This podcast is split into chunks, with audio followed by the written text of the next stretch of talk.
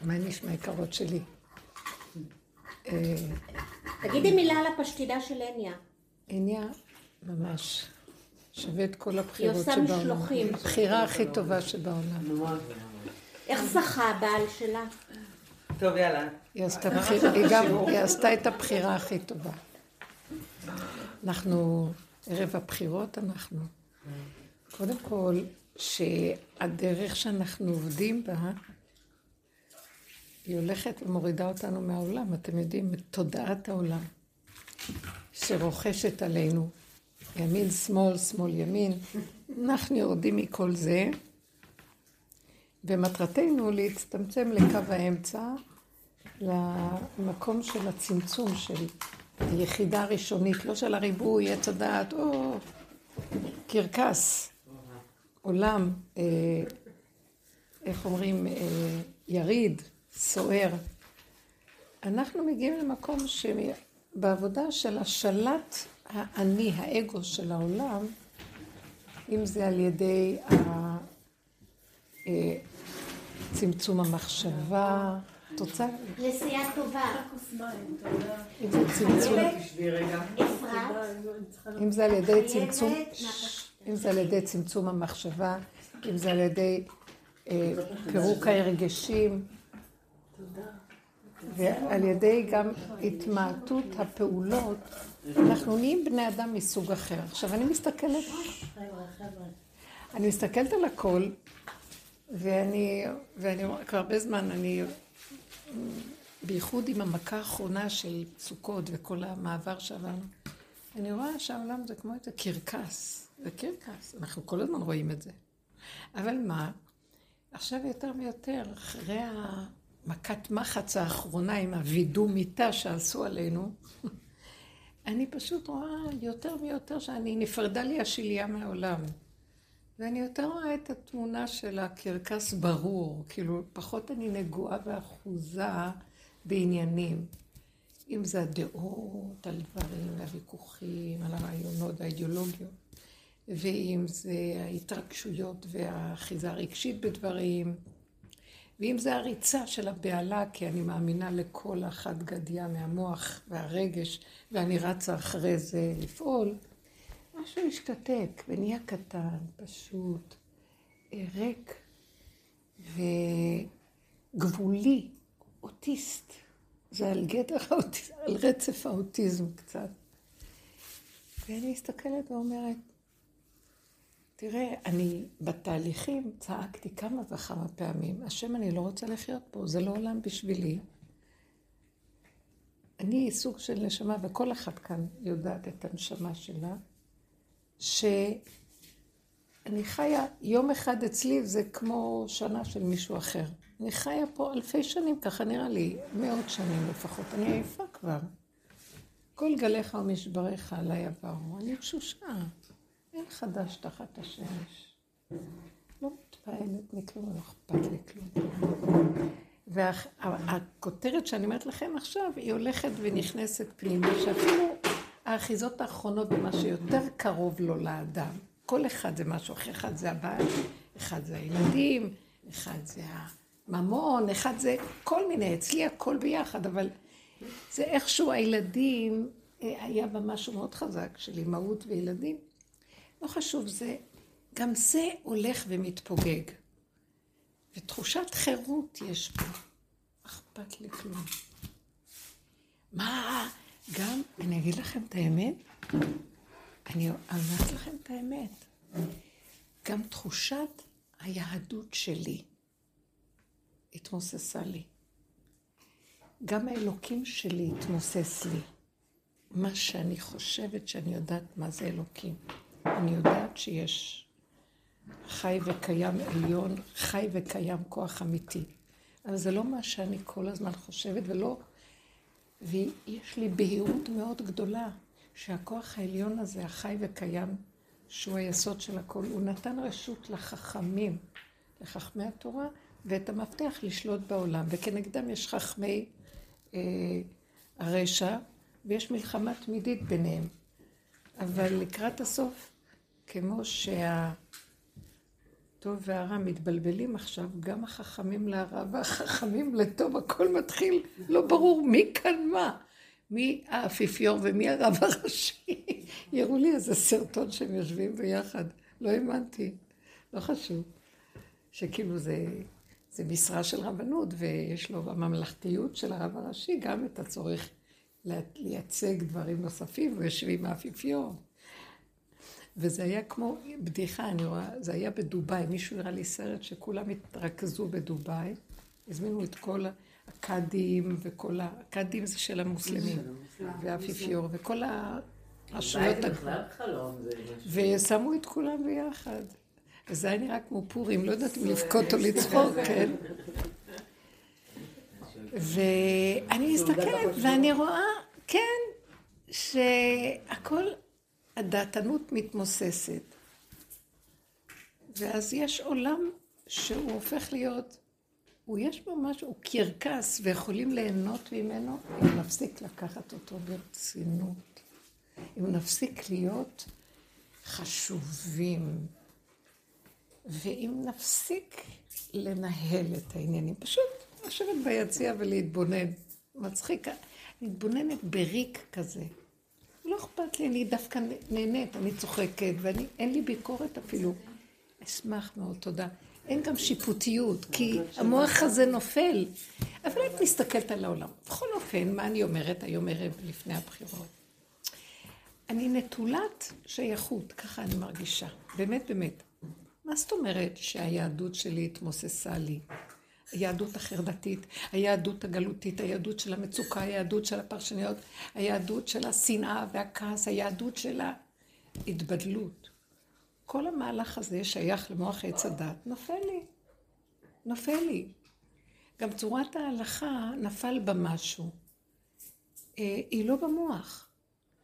היא יורדת לבשר והיא מצטרפת עם מה מתאים לי, מה הגבול שלי יכול להכיל. כמו ילד קטן שהוא נאמן ליצריות ולטבע שלו, כי אין לו כוח להתגבר עליהם, ואין לו בחירה בהם, כי ככה נתנו לו אותם מראשית הווייתו. הוא ילד, הוא נולד עם טבע כזה. רק מה, כל העץ הדעת שהוא שודד את האדם עם הדמיונות הגדולים, ואז נהיים קרימינלים עם הטבע, זה נפל, אז נשאר טבע קטן, כמו ילד קטן. אתה לא תגיד על ילד שהוא קרימינל. אפילו מי יעשה דבר לא הגיוני.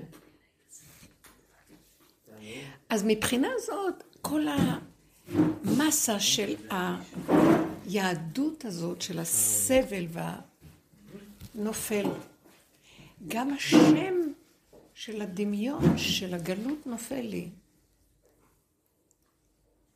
והוא כבר לא בשמיים, ומעבר לים, ובארץ רחוקה, ואני כל הזמן מתגעגעת אליו. העבודה שעשינו, אני לא מתגעגעת לכלום. אני אומרת לכם, וידוי דבר, וידוי דברים. אני לא מתגעגעת לכלום, כי הדמיון נופל. הדמיון הרוחני, ונשאר משהו קטן ופשוט, קיומי. שהוא לא נגד כלום, והוא לא בעד כלום, אבל הוא נגד הרוע לשמה. ומהמקום, מה זאת אומרת הרוע לשמה? שסתם יסתובבו פה אנשים שהם רעים, והם יזיקו לעולם. זה משהו שבמקום הזה עוד נשאר, שאתה לא יכול להתעלם ממנו. אין לי התנגדות לאנוש, לבני אנוש. שהם קיבלו על עצמם באיזשהו מקום, מה זה שבע מצוות בני נוח, זה גר ותושב, שהם קיבלו על עצמם להתנהג כמו בן אדם מן השורה. הכוונה, לא לאכול עבר מן החי. חיה חיה ואתה אוכל אותה. זה צער בעלי חיים. אה, לא לעבור על ניאוף. כי זה לא מוסרי. לקחת אשת אישה של מישהו אחר ולעשות כל מיני... זה הורס את העולם, זה לא יפה. יש נאמנות, אתה לא רוצה אותה, זה כמו עניין, תסגרו תיק. אתה לא יכול מתחת, מעל, וכל זה, כל השקר הזה. לכן כל מיני דברים, אה, גזל, חמאס, זה אסור של המצוות. מנוח הן מצוות יפות הן לא דורשות את כל מה שהיהודי קיבל על עצמו, אבל נותנות בסיס קיומי. מה זה מצוות חמאס? גזל. איך? חמאס. גזל. גזל גם? גזל, לקחת דבר שהוא לא שלך. אה, חמאס זה לאור יום, זה עם כל הרוע, שלא אכפת לך שרואים. גניבה זה עוד אתה מתבייש, גזל זה אתה לוקח, אבל החמאס זה... כמו החמאס. חמאס. חמאס. גזל וחמאס. כמו חמאס. סתם זה גורם טוב. חמאס. כן, זה לא, עזות, זה עזות קשה. עכשיו, אז ברמה הזאת שאני מסתכלת, עכשיו, מה זה שהיהדות התמוססה לי? אני אגיד לכם את האמת, אני הגעתי, אני לא הגעתי, אבל תמיד זו הייתה השאיפה שלי, לחזור למדרגת האדם הראשון, לפני שהוא נהיה מלא אנשים בעולם, ונהיה עמים. הוא היהודי הראשון, אבל לא מבחינת יהודי. מדרגה מושלמת של אדם, שידע את בוראו. והעריך את הבריאה לשומרה ולעובדה. כך אמרו, שמו אותו בגן עדן, קיבל את התורה, אבל הוא לא קיבל את התורה כמו שלנו. הוא קיבל את חוקות הבריאה, שזה יסוד התורה באמת, לפני שהיא נשברה בלוחות השניים, הייתה בריאה נקייה. כל הבריאה מלאה חוקים. אי אפשר לעשות מה שרוצים, אנחנו נחריב את הבריאה, זה בלתי אפשרי. אז הוא קיבל על עצמו לשמר את המצב, שלא יתקלקל, ולעובדה זה להעצים את דרך עץ החיים. כמו שאנחנו עושים, מבררים את הנקודות היפות של האמת, ורוצים לחיות איתם. לא היה צריך רבנים. לא, עכשיו אל תקפצי ותקשקשי לי. אני, אני לא נגד אף אחד. בכל אופן, הוא היה בחינת אה, הרב הראשי. הוא לא היה צריך כלום, כי השם נתן לו, הוא השתמש בשכל של האור הגנוז. אור של אמת גדול. לא הלך, נכנסנו לעץ הדעת, התפרק הכל. היה צריך להביא את עם ישראל כדי לתקן את המצב של השבירה של אדם הראשון. וגם כעם ישראל אנחנו גם נשברנו כמה פעמים, ולא הצלחנו לעשות מה שאדם אחד לא עשה. השם אמר, עם שלם, קבוצה שלמה, שבנויה מ-70 נפש ירדו מצרימה, 12 שבטים, וזו קבוצה, הקבוצה יש לה, יש לה השפעה גדולה יותר מאדם פרטי, מה גם שהוא הוא היה אדם שכל העולם כלול בו, כל הבריאה. לא היה אדם רגיל. אבל זה לא עבד, הוא נפל, הפיל את כל העולם, אז הביאו קבוצה שתיקח אחריות. גם אנחנו, עם כל האחריות שאנחנו לוקחים, אנחנו עוד עדיין מדדים וגלות, גלות, גלות, גלות. זה לא נעים, זה לא טעים, גלות זה קשה. גלות זה התודעה של עץ הדעת, שאנחנו מנסים איכשהו, והלכנו לאיבוד בה. הדרך הזאת צמצמה אותי בחזרה למקום הזה, של האדם הפרטי. נכון, אתם שמות לב? אני כבר לא באידיאולוגיות, אנחנו לא באידיאולוגיות, אנחנו לא בהתרגשויות, אנחנו לא ברוחניות, אנחנו לא במדרגות, אנחנו פשוט מנסים להיות בני אדם של צורה פשוטה, שנושם, לא מזיק, ויש לו הכנעה לדופק של הבריאה, והוא מכבד את הבריאה, הוא מכבד את האנוש, מכבד את הבני אדם, הוא מעריך. אני מעריכה את חכמי ישראל. המקום שלהם בעולם היה שהם קיבלו את המפתח לשלוט אה, ברע של העולם על ידי החוקים והדינים של התורה, כדי שלא יתפשט הרע ויהיה מבול, כמו שהיה בתיבת נוח, מבול קשה, והרס את העולם. אז היה להם מפתח, והם הטילו אימה על הציבור, וכן, זה טוב, כי אם אין לאדם פחד, הוא יעשה מה שבא לו, כשיש את השליטה של הדמיונות והכל. אבל מי שעושה עבודה כזאת והולך פנימה, פנימה, פנימה, גם זה נופל לו, נופל לו, נופל לו. הוא נשאר עם הפנים שלו פנימה לעצמו, מחבק את העצמיות הפנימית שלו, ועם הגב שלו לעולם. הוא לא מתרגש, לא אכפת לו, הוא לא קשור. אני מרגישה שהמהלך האחרון שנתנו לנו, זה כאילו, מה אכפת לך רגשית מכלום? זה לא העולם שלך? אל תתערב לי בעולמי, רק תיזהר לא להחריב אותו. הבנתם מה אני אומרת? אל תעשה לי טובות ותהיה גדול בעולם. גדלות שלך גונבת, וגם גם שתרצה להיות חיובי מאוד, בחיובי הזה יש נחש גנב גדול. אז בבקשה, לא מדובשך ולא מעוקצך. שב, ותלך עם סיבות. בבריאה יש דופק ויש צינורות שמובילים נכון, ושם אה, השכינה, זה כוח השכינה, שהיא מנחה את האדם. לא מהמוח הוא פועל, הוא פועל מהסיבות שמהבשר שלו הוא מרגיש ויודע איפה הם. עכשיו, אני מרגישה שיותר ויותר אנחנו מגיעים לזה, נכון רות? שאת הרבה שנים פה, הרבה, אנחנו מגיעים קרוב לזה.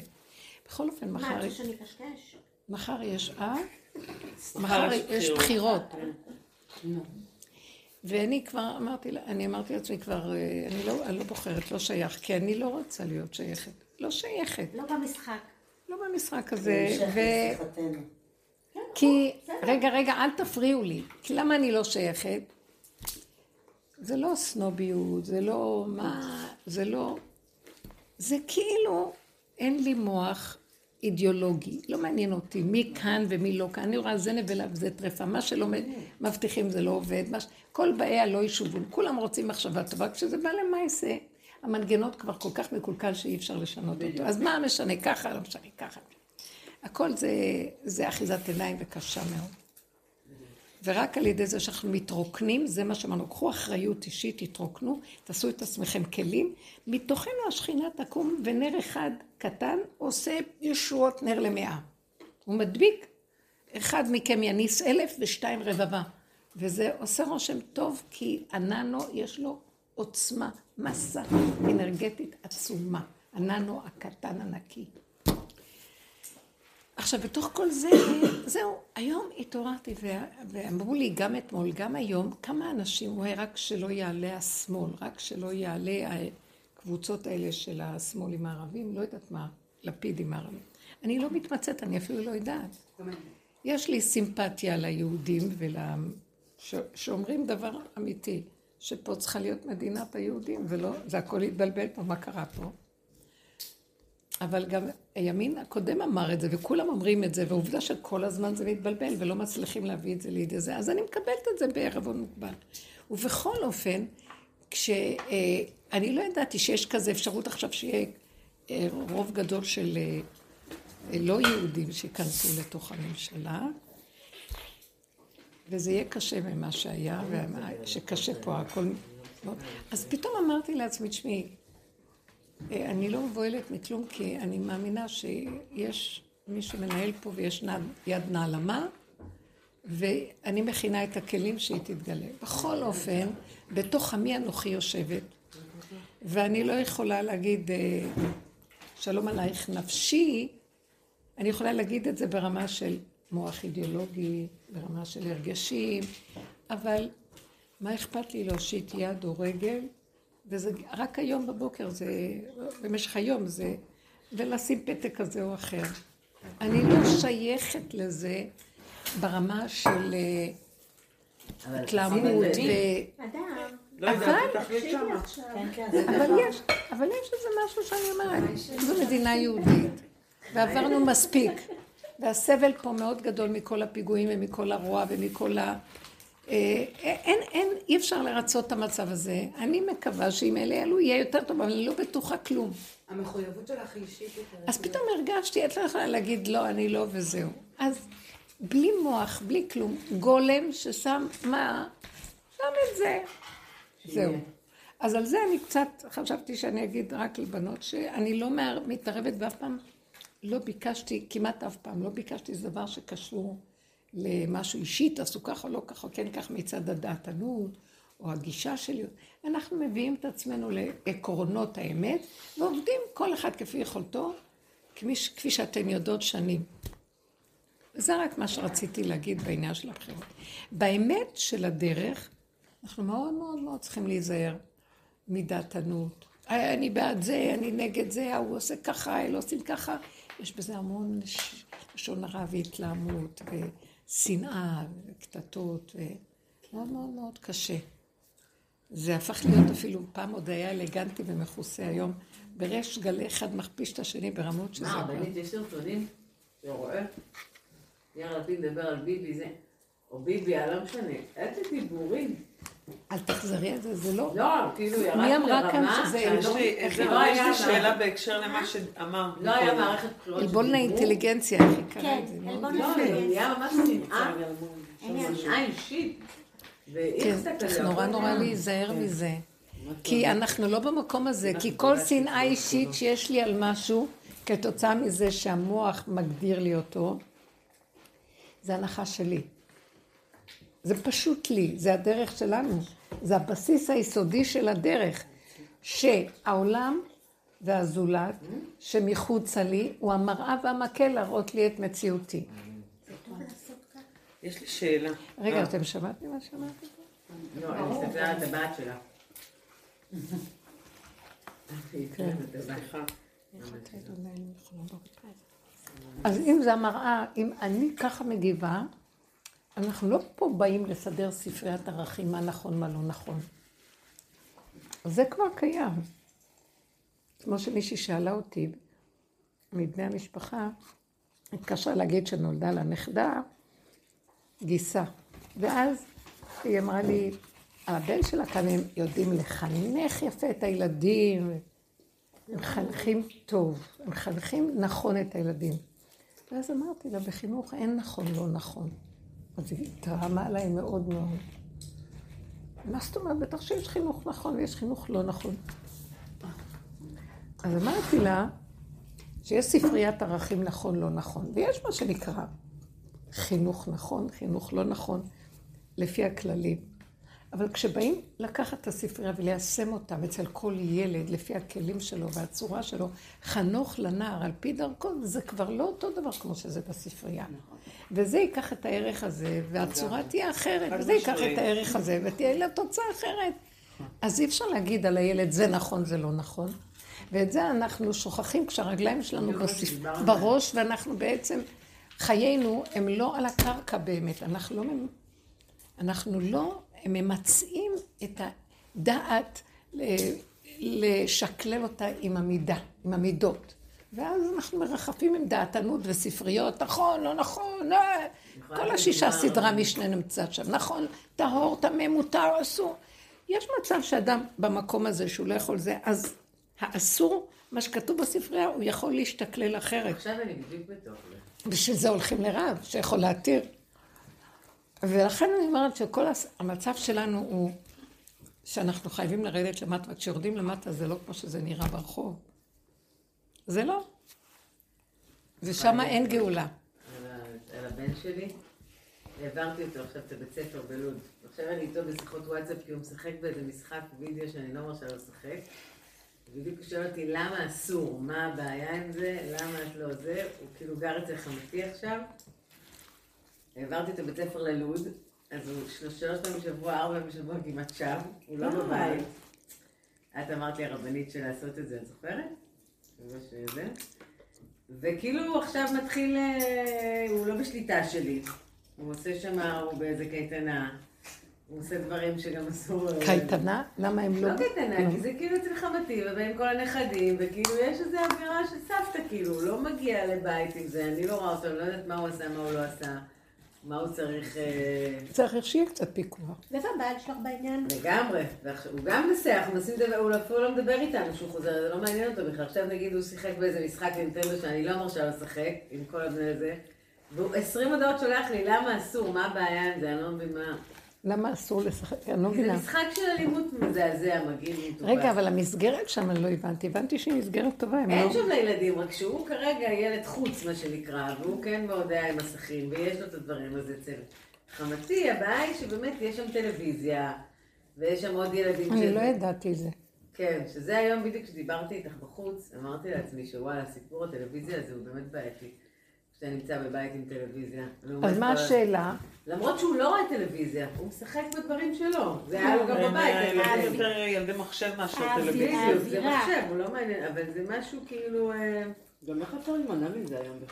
כל זהו, ואז אני אומרת, אתה ב- לא תמנעי, גם בבית הוא כל היום יושב מול המחשב ומשחק ורואה כל מיני תוכניות, אמנם שלו, שהן לא...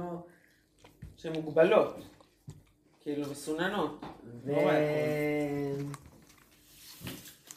אני חשבתי שהמסגרת שמה לב, לא הבנתי. המסגרת שם, בסדר, של הבית ספר, הילדים, זה פחות, הוא פתאום התחיל לשחק כדור- אה, כדורגל וכדורסל וזה זה וכל מיני, אבל כאילו, הילדים שם הם לא ילדים שמשחקים בזה, אבל יש לו את זה מהחברים הקודמים שלו ומהמשפחה וממקומות אחרים, לא משם. אז תגידי לו, אז תבוא הביתה כל יום. זה מה כל כך קשה? עכשיו. אז לא הבנתי. כל העניין שהוא רוצה להיות שם ואחר הצהריים, כאילו, והביתה, אז הוא גם יושב מול המחשב, כאילו, שם הוא אמור היה לעשות... בסדר. אבל זה תחת פיקוח מסוים שלו, אני אומרי. כן. אל תעשי עניין, אל תעשי עניין, אל תתרגשי, תרפי אחיזה. אני פשוט... אה, רגע, שמעת מה שאני אמרתי על העניין של הבחירות? בדיוק באותה שיטה תתנהגי. האחיזות הרגשיות, צריך לשחרר אותן מהילדים, מה- מהמשפחתיות, מהכול. ובכל אופן, אנחנו צריכים להתהלך עם השכל הנכון שבדבר. אם הוא בחברה לא טובה. אז אני לא שיחזור חושבת... גם לבית ספר שלו, אם הוא חוזר כל יום הביתה, אז אין לי מה להשאיר אותו שם. אני הבנתי שזה בית ספר מאוד טוב, לא הבנתי מה. הבית ספר טוב, אבל זה לא משנה. למה להעביר אותו אם כן? לא, איזה בית למה? העברת אותו מהבית? העברתי אותו לשם, כי גם זה בית ספר שמבחינת לימודי ליבה הוא ברמה יותר טובה. התל... ילדים, משפח... יחסית, כאילו, סביבה קצת יותר, וגם שיהיה לו אחרי צהריים סביבה, כאילו שהוא יהיה יותר בתוך אה. חברתית. הוא מאוד כי מאושר. כאן הוא לא יכול להיות, מבחינה חברתית הוא באורו. הוא לא, כאן אין לו את זה אין בבית. לו את זה בבית. בבית יש לו את המחשב. נו, אז מה אתה עושה ממנו? מה הוא עושה? מישהו יחשוב. הוא מצד אחד מאוד נהנה, הוא התחיל לשחק כדורגל וכדורסל, מה? לאופניים, וחברים. לחיות, לא, הוא יוצא. כאילו להפך, הוא יוצא כאילו אני אומרת, מצד מהמחשב. אחד הוא יצא לי מהפיקוח, אבל הוא התחיל לחיות. מצד שני אני רואה אותו מתחיל לעשות מה שבא לו, ועכשיו בא לי עוד פעם... אה, לא, לא צריך, לא להשתלט קיצ... עליו. להרביץ תראי, לא. קיצוניות. אני אגיד לך משהו, תתחילו לשחרר את המוח, וכן להסתכל ולהגיד, זה כן וזה לא. את השיחה הזו באות הביתה. איזה כן ואת זה שעות לא. כאילו, תגידי, את לא צריכה גם להתווכח ולענות לו הרבה. זה כן וזה לא. את- אצל סבא וסבתא, אז אם יש שם טלוויזיה, זה אני מפריע חושבת לי. שאני יכולה להגיד לו, והוא יעשה רק מה שבא לו. זה גם. לא משנה. את- שייך אמר. חמתי אמרה לי, אני לא מתכוונת להיות שוטרת. קחי את המכשיר הזה מפה וזהו. אם את לא מרשה שם משחק או שניים, אני לא מתכוונת לבדוק ולדעת ולראות. אין, אז אין. צודקת, זה גדול. היא צודקת. זה כבר אישה, אין לה זמן לגדל, יהיה לה כוח עכשיו להתחיל לריב שם כל ה... זה לא ילד שלה. כן, זה גם כמה כמה. פעמים בשבוע הוא בא הביתה? התוכנית הייתה שראשון, שני, שלישי הוא שם, ורביעי, חמישי, שישי, שבת הוא בבית. השיעי הראשון שני. אז תעשי לו רק שתיים. קצרי לו את. התאריך, תגיד עוד שתיים. לא להתווכח, לא להתנצח. אבל אז אני צריכה לקום כל בוקר ולשים אותו בשמונה בבוקר אז. תתאמצי, יש מחיר לכל דבר כפרה עליי. סליחה. סליחה, יש מחיר לחינוך. נכון, נכון, אני נכון, גם, צודקת. אנחנו רצים, הולכים, חוזרים. אין מה לעשות, אם צריך, צריך. מה אני שומעת על שליטה זה? את כמה עולה? ואל תיקחי אותי בחשבון. אה, לא. לפני עשר אין לי מי לדבר. עיינתי, סליחה, אבל אה, יצא לי. לא, את צודקת. פשוט... אה, בוא תגיד, שחררת לחצי שנה. לא, לא, אני אומרת, כאילו... גם- לא, יש לנו גם שיטה אחרת, שהוא חוזר הביתה. רגע, מה המטרה של זה? תגידי לי את השאלה, כי אנחנו מתרחבים ולא מבינים מה. לא, אמרתי, גם יש לנו... מה השאלה? לא, זה כאילו, אני לא יודעת איך לנהל את המהלך הזה עדיין. מה, לדעתי. תקשיבו רגע. שאלת שאלה. זה הכל. החברה. פה היא מזעזעת. אני גם יכולה להחזיר אותו בלילה לפני השינה לשם. תקשיבו רגע, אני רוצה שתפסיקו. זה לא שיעור, אז אתן מנהלות כאן אה, דוכן של עצות ופתרונות ותחבולות, זה לא הדרך. את אמרת יריד. אז אני אמרתי שירדתי מהיריד. החזרנו אותך ליריד. התכוונתי לומר, יש לך שאלה, קחי את העיקרון שדיברנו ותעבדי עם זה, מה העיקרון? וזהו. העיקרון הוא כמו שאמרתי לכם על הבחירות, זה אותו דבר. תבדקו בדרך הזאת יש עקרונות, תעבדו עם עקרונות. מה העיקרון? העולם לא שלנו, שמעתם? לא שלנו. הילדים לא שלנו. זה לא שלנו. זה שלו. בכל אופן, אנחנו כאן אה, קיבלנו תפקיד להיות שומרים, ואיכשהו הם תחת חסותנו. אבל זה לא שלנו. מה? זה כמו שאני יכולה להגדיר שמה שאני רואה, זה שאני ראיתי את זה בעיני רוחי, שהשם נתן לצדיקים, לרבנים, את המפתחות לתלמידי חכמים, איך להנהיג את הבריאה ולהיות אחראים פה, שלא יהיה כאן כאוס. יש דינים, יש חוקים, יש בתי דינים, יש משפט, יש צדק ויושר. אבל כאשר החכמים ייקחו מדי אחריות על העולם ויחנקו, או כל דבר יכול להתקלקל כשיש מדי. אם התפקיד של ההורות מדי מתרגש ומתרחב, זה כבר נהיה, זה לא טוב. כי ההורה הוא כאוב מזה מאוד, והילד מרגיש שרודים בו ומתנגד. אז מה שאנחנו צריכים לעשות הוא ככה, ההורה צריך להיות נטול, להיפרד מהשליה של המציאות, אבל בכל אופן יש לו ילדים, יש לו תפקיד, והוא עושה, והוא צריך לעשות את מה שהוא עושה. עם הרבה בקשה ורחמים של השם, אני עושה את שלי, תברך, וברכתיך בכל אשר תעשה, תברך את מעשי ידיי, שיצליח לי, אני שם אותו פה, מהשיקולים האלה והאלה. זה נראה לי נכון, וזה פשוט לי, וזהו, נגמר. עכשיו, תישארי נטולה. וכשאת צריכה לעשות רואה משהו אצל הילד, תעשי את הפעולה השכלית הפשוטה, שאת לא יכולה להרשות לו, שיעשה מה שהוא רוצה. אבל לא יכול לעשות לך מה אתה רוצה. או שאתה יכול להגיד לו, לא, יומיים, אה, אין טלוויזיה. מה, תגידי לי למה לא. סליחה, סליחה, אתן צריכות להבין דבר אחד. הורה אמיתי, ואני עכשיו מרגישה שאנחנו נכנסים למקום הזה. צמצום כזה של גבוליות אוטיסטית. אין לי כוח להגיד דבר יותר מפעם, אולי פעם וחצי. ואני אומרת, לא, וזהו. עכשיו, את לא חברה, הילד הוא לא חבר. יש לו סמכות של הורה. תראו, אם קלקלנו, קלקלנו, אין מה לעשות. התרבות הזאת מקלקלת. אבל יש דברים מוגדרים. תדעו לכם, אפילו אם קלקלנו, הגבוליות האוטיסטית היא משפיעה מאוד מאוד על הילדים. אין לך דבר שמשפיע בחינוך יותר מאשר הגבוליות. זאת אומרת, אני אומרת לו, תקשיב, אתה מבין שאין לי כוח להגיד עוד פעם את מה שאמרתי? ועכשיו אני מסתכלת עליו כאילו עוד רגע אני שוחטת, מי שיפריע לי, עוד רגע אני שוחטת. ילד מבין את הגבול הזה.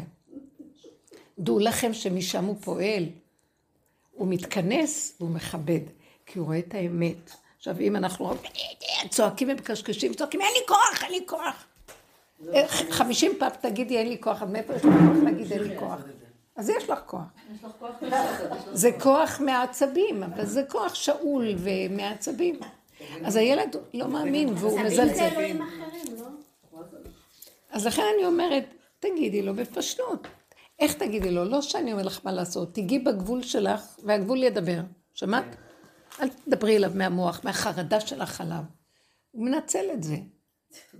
אל תדברו. אני, שאמרתי לכם, תצביעו כל אחד, לא חשוב, ג', ש"ס, ט', לא יודעת מה, תצביעו לימין, כי זו מדינה יהודית, אין לנו ברירה, חייבים להציל את מה שעוד אפשר.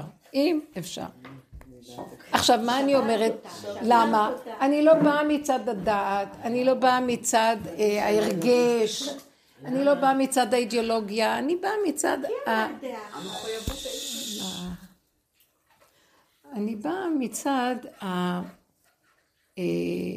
ההישרדות הקיומית של היהודי שאין לו לאן ללכת. זה חייב להיות כאן.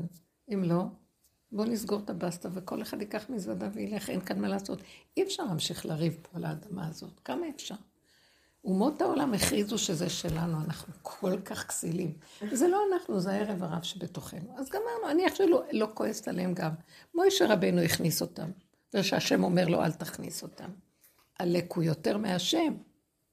מה הוא עשה פה? אני לא יודעת, סיבתו עמו.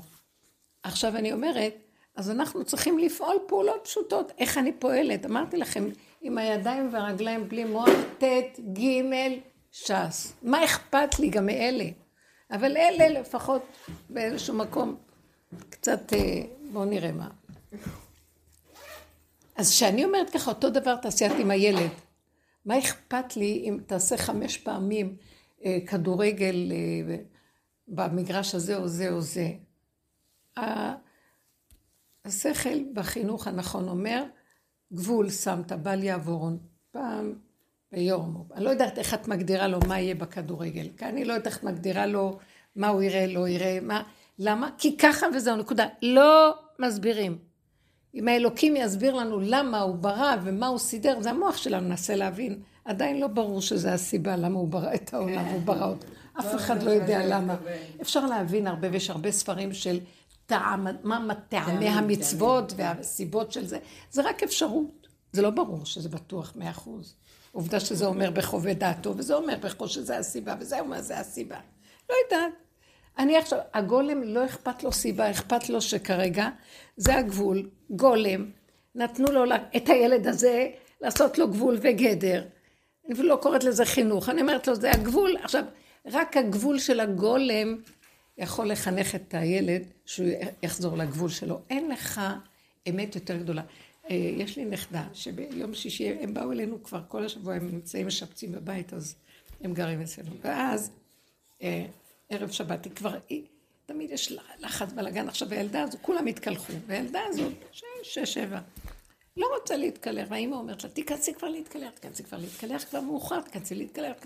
למה, איך, מה, ככה, והיא חוזרת ואומרת לה בצדק.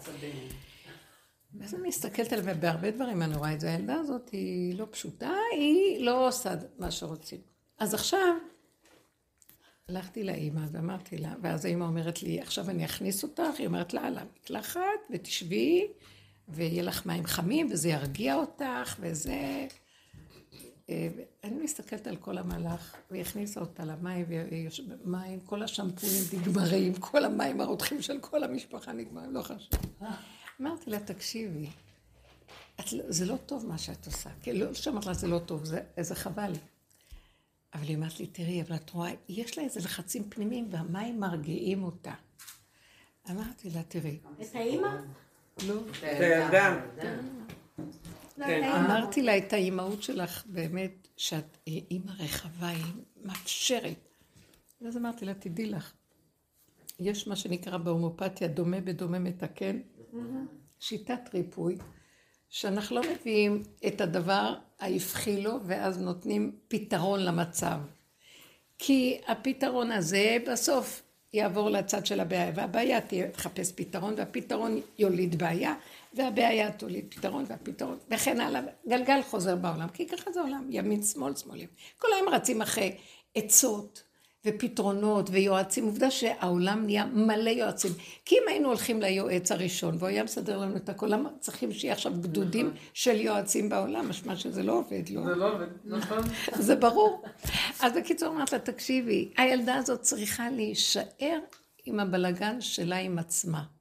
עד הסוף והגבול האפשרי שלה. אל תתערבי לה. רק, את יכולה רק להגביל אותה ולהגיד לה, את לא נכנסת למקלחת בתוך חצי שעה, אז אין יותר מקלחת. את תישארי מלוכלכת לשבת, את לא תחליפי את הבגדים שלך, תישארי עם בגדי... אבל היא לא יכולה לסבול את אה? זה. אבל היא לא יכולה לא חשוב. לסבול את זה. אבל אני אמרתי לאימא, תגידי לה, תכניסי אותה למצב שהיא תישאר עם הבעיה שלה עם עצמה ותחווה את זה עד תום האפשרות שלה. שתתחפש עם עצמה, יגיע רגע, תצעק שבת! אני מכירה את הילדה, שבת, אימא! והאימא באה ומסדרת לה. לא, לא, לא, אל תיגעי בה. אז uh, היא תישאר עם uh, בגדי בית ספר בשבת. והיא לא תוכל לשבת בשולחן שלי בשבת עם בגדי בית ספר. אז היא תאכל בחדר. אז היא תשחק עם כל הילדים עם בגדי שבת, והיא לא, את צריכה לתת לה ללכת עם עצמה עד הסוף, בלי להניד עפעף. אמרת, תכבדי את המאמר. אני רואה אותם, את ההורים הצעירים, הם מסבירים לילדים, הם מתרגשים איתם, ואומרים להם, אבל אמרנו לכם, מתעמלים, בואו נסביר לכם, ועוד פעם, ועוד פעם, ועוד פעם. אמרתי לה, תני לה להיות עם עצמה עד הסוף, אבל אין אפשרות. אין אפשרות אחרת. ההורה, הילד חווה את הגבול שלו, הוא מגיע ל... עד כלות הנפש, הוא גמר את החיים שלו באותו רגע. בסוף של המציאות של הגבול שלו, מתבצרת התמרת אנרגיה. פתאום הוא יקלוט. שם יש ישועה ורפואה למצבו יותר ממה שאם תשיגי לו פתרון של מים שירגיעו לו את העצבים ואת כל המתח הנפשי. כי הוא יהיה חייב לחוות מסה של צער כזאת עם עצמו, שרק זה ילמד אותו. תנו את זה לקרות. זה מה שהעבודה שלנו עושה, דרך אגב. אין, אצל רב אושר לא היה הבנות. תשאלי אותו שאלה, הוא לא היה נותן לך תשובות. והיה זורק אותך, או אותך, ואנשים היו עוברים את התופת ואת הגהנום של החוויה. וכולם היו אחר כך חוזרים להגיד, מי זה האיש הזה, אנחנו רוצים להרוג אותו. לא יכול היה להסביר לנו שלא ככה וככה? לא. רב אושר אמר, רק הבשר שלך יסביר לך. זאת האמת הגדולה. תיג... תיגאל מהמוח של הפתרונות וההסברים, כי הבנה רודפת שאלה ושאלה רודפת הבנה, ותשובה רודפת שאלה וכן הלאה, והוא לא היה נותן שאלות. ואז אנשים באו בטענה ואמרו, מה, לא יכולת להסביר לנו למה היינו צריכים לעבור את התופת הזאת? כי רק התופת הזאת זה השחיטה של הגאות והישות, של הפינוק וההפקרות של האדם, שרק הוא בעצמו ידע שהוא אחראי לעצמו ואף אחד לא יעזור לו אם הוא לא ייגע בנקודתו. ככה מחנכים ילדים. ואני ראיתי אמהות שהן גבוליות, בטבע שלהן, לא יכולות לסבול. הילדים מכבדים, ילדים מחונכים. יש לי איזו אישה שכנה שהיא גבולית ברמות. היא לא יכולה, היא באמת לא יכולה, היא גבולית. הילדים כל הזמן, הם מכבדים את האימא ומדברים בשקט. אמא אפשר? אמא מותר? זה בסדר שעשיתי ככה? ואז היא אומרת כן או לא. הם מפחדים, הם מכבדים. ענת, שלחי את הבן שלך אליה. לא, הוא גם היה, אני גם היה מאוד קצר, אני לא, יש לי קוצר... אה, אבל בהתמדה. בסדר, מגיע גיל, אה, שגיל ההתבגרות הוא כבר יותר מאתגר את הקצר הזה. ברור. לא, אל תצדיקו שום דבר. לא, את צריכה גם לראות שזה גם לא מהשליטה שלך, להיות תמיד בשליטה. תעשי... זה אולי לא חלק מהגול. אני אגיד לך את האמת, אל תביני שהוא בגיל ההתבגרות. המוח שלך לרועץ לך. תביני אותך. כן. בדיוק, כי הוא מבין מדי את הילד ואת המצבים שלו. למה שאני אשחק לפי החליל שלו?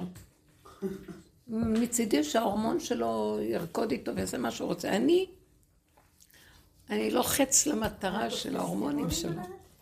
לא פשוט. כן, את צודקת הרבנית. לא, תתחילו לחוות את הגבול. אני מדברת ממקום שעובר אלינו עכשיו התחדשות גדולה מאוד. מורידים אותנו מהיכולת, מהדמיון של היכולת הגדולה שלנו, שאנחנו יכולים להכיל. זה דמיון, אף אחד לא מכיל כלום. רגע לא יהיה לנו מה שאנחנו צריכים, כולנו נראה את הפרצוף האמיתי שלנו. ודוחקים את האדם יותר ויותר. אני לא מחכה שידחקו אותי, כמו שהיה בקורונה, שדוחקים. יש פרק זמן שנותנים לנו עכשיו, שאנחנו לבד נראה ונדחוק את עצמנו לפני שיבוא איזה מערכת שתדחוק אותנו עוד פעם בצורה אחרת. כמו שהיו אז חוקי הקורונה. למה אנחנו הולכים את זה? זה הולך לקראת מצב. הלוא זה פעימות שונות בתוך התהליך הזה. לכן אני אומרת, תהיו קצת אה, בהתבוננות. תשחררי ותהיי חזקה עם עצמך.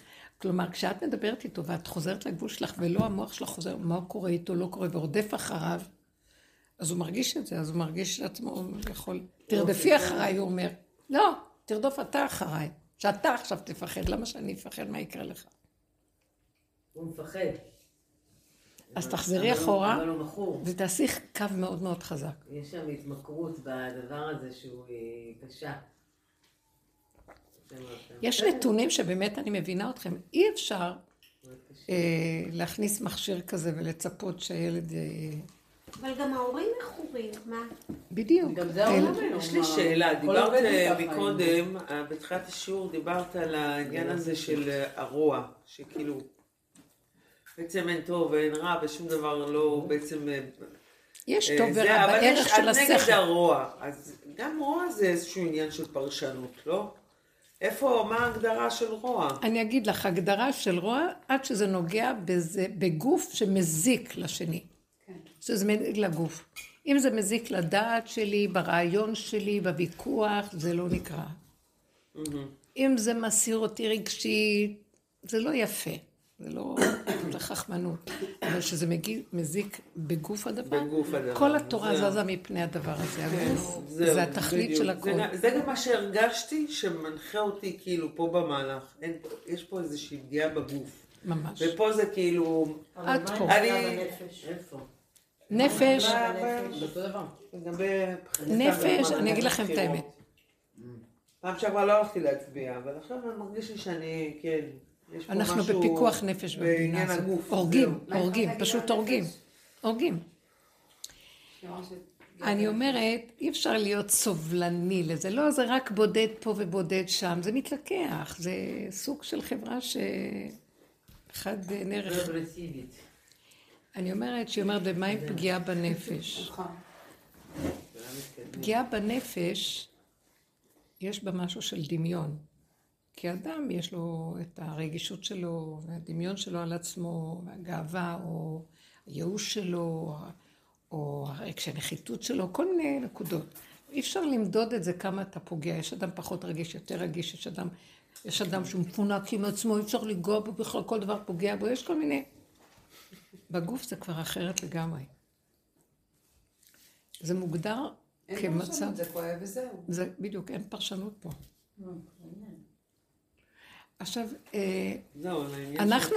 במילא, מה שאנחנו עושים עבודה זה על לפרק את המוח, כי הוא מדומיין, לפרק את הנפש, כי זה תהום שלא נגמרת, אף פעם אי אפשר לתקן את הנפש הזאת. ומגיעים, נוחתים בגבול של הגוף. אין יותר לאן ללכת. תאהבו את הגוף, תכבדו אותו, תעריכו אותו. הוא הקיום כן, קניתי פאה חדשה הרבה צבע. הופה. סתם, אחרי זה. בסמינר. לא, זה עוד קשור. מה זה, הגוף הוא קדוש, הוא הכוונה- המשכן שלנו. הגוף הכוונה שלי לגבוליות האמיתית. אף כן. אדם לא יודע מה האמת עד שכל ההבלים האלה נופלים לו. כי הוא חושב, אני באמת, אני זה עם הרעיונות שלו, עם הרגשות שלו. אני אגיד לכם, אם האדם עושה עבודה אמיתית, הוא יודע איפה שזה הגוף פשוט. אני אגיד לכם מה הסימנים. אין לו בחירה ואין לו ברירה. אין לו. עוד במוח יש בחירות, אפשרויות. גם בהרגשים יש אפשרויות. אתה יכול להתאפק, אתה... בגוף אין אפשרויות. אין אפשרויות. אלא אם כן המוח נותן פקודה. אבל הגוף עצמו הוא מה שהוא. בהמה. בהמה. בגלל זה אמרתי לך, תקחי אותי בחשבון בבוקר. כל כך נכון אבל. המשפט של שרה חיה, ההלכה הולכת עליי. אה? ההלכה הולכת עליי. שרה חיה תמיד אומרת, ההלכה הולכת עליי. מהבשר יש לה את, ה... כן. את ההלכות, שפעם אמרתי לה, את יודעת, לא עושים ככה, לפי ההלכה, היא אמרה לי, ההלכה הולכת עליי. את אל תבואי להגיד לי מה ההלכה ומה כן. לא ההלכה. זה בבשר שלי. כן. מותק, כן, יש לי משהו. עכשיו היא עשתה הופעה עם שרון. כן. אה, היא ושרון ביחד? היא ושרון, ודין דין, אביב, שהיא זמרת שלה. עם אימא מי זה. ו? דין דין דין, אביב. גם זמרת דין שחוזרת דין אביב בתשובה. היא זמרת ידועה בחוזרות. מאוד. בנות ואימהות. ואימא של הדינדין הזאת היא זמרת יווניה שנים, ואבא שלה זה מוצי אביב, והיא חזרה בתשובה, אז הם עשו כאילו סיפור של שרון עם אימא שלה, זה אימא שלה ואיך שרון קיבלה את זה, ומהצד שני, שהבת חוזרת ואיך האימא מקבלת, והן שרות ביוונית ושרות ביחד, מופע מדהים. מאוד חמוד, מאוד יפה, ממש יפה, שרות מקסים. מקסים. אמא שלי מאוד נהנתה. איזה יופי. היית בהופעה? היא- היא אמרה, סיפרה שם משהו מצחיק, שתי צלחות יצחק. שבעלה, אחרי שהוא פגע, בעלה של הבת, כאילו לא עבד, אברך, ולומד תורה, ולא עובד, וזה וזה. והם היו בלחץ, היא אמרה לבעלה, תדבר איתו, מה זה, איך הם התפרנסו, מה זה, הוא רק לומד, מה הם לעבוד, כי הם היו חילונים. ואז הוא חזר, אמרת לו, נו, מה, הוא אומר, גיליתי שהוא אה, חושב שאני אלוהים. אז הוא אמר לה, אז היא אומרת לה, למה? כי כל הזמן אמר, השם יעזור, השם יעזור, השם יעזור.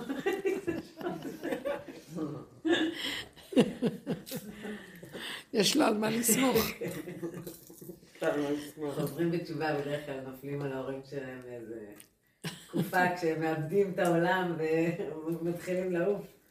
והם שוכחים שיש אה, קרקע. אז זהו, אז אני אומרת שבאמת להביא את הכל למקום של, כל הזמן זה הולך לפי הגבול של הבן אדם, שם האמת נמצאת וזהו. מהמקום הזה הוא יכול לפעול. הוא לא, אין לו דעה, יצאתי מהעולם, לו... רגע אחד הוא בעולם, רגע אחד הוא לא בעולם, זה בסדר הכל, זה הולך לפי רגע, זה לא הולך עם הגדרות וכללים. כן. הסיבה מוליכה את האדם והשכינה איתו בכל רגע. הוא חי טוב, הוא לא מקובע. עכשיו מישהו יכול להגיד לו, אבל לפני רגע אמרת ככה, הוא אמר, זה היה רגע, זה היה רגע קודם, מה? עכשיו זה רגע חדש. אל תיקח אחד ועוד אחד שווה, אל תעשה ממני מגילה ומסכת. ככה זה הרגע. זה יפה.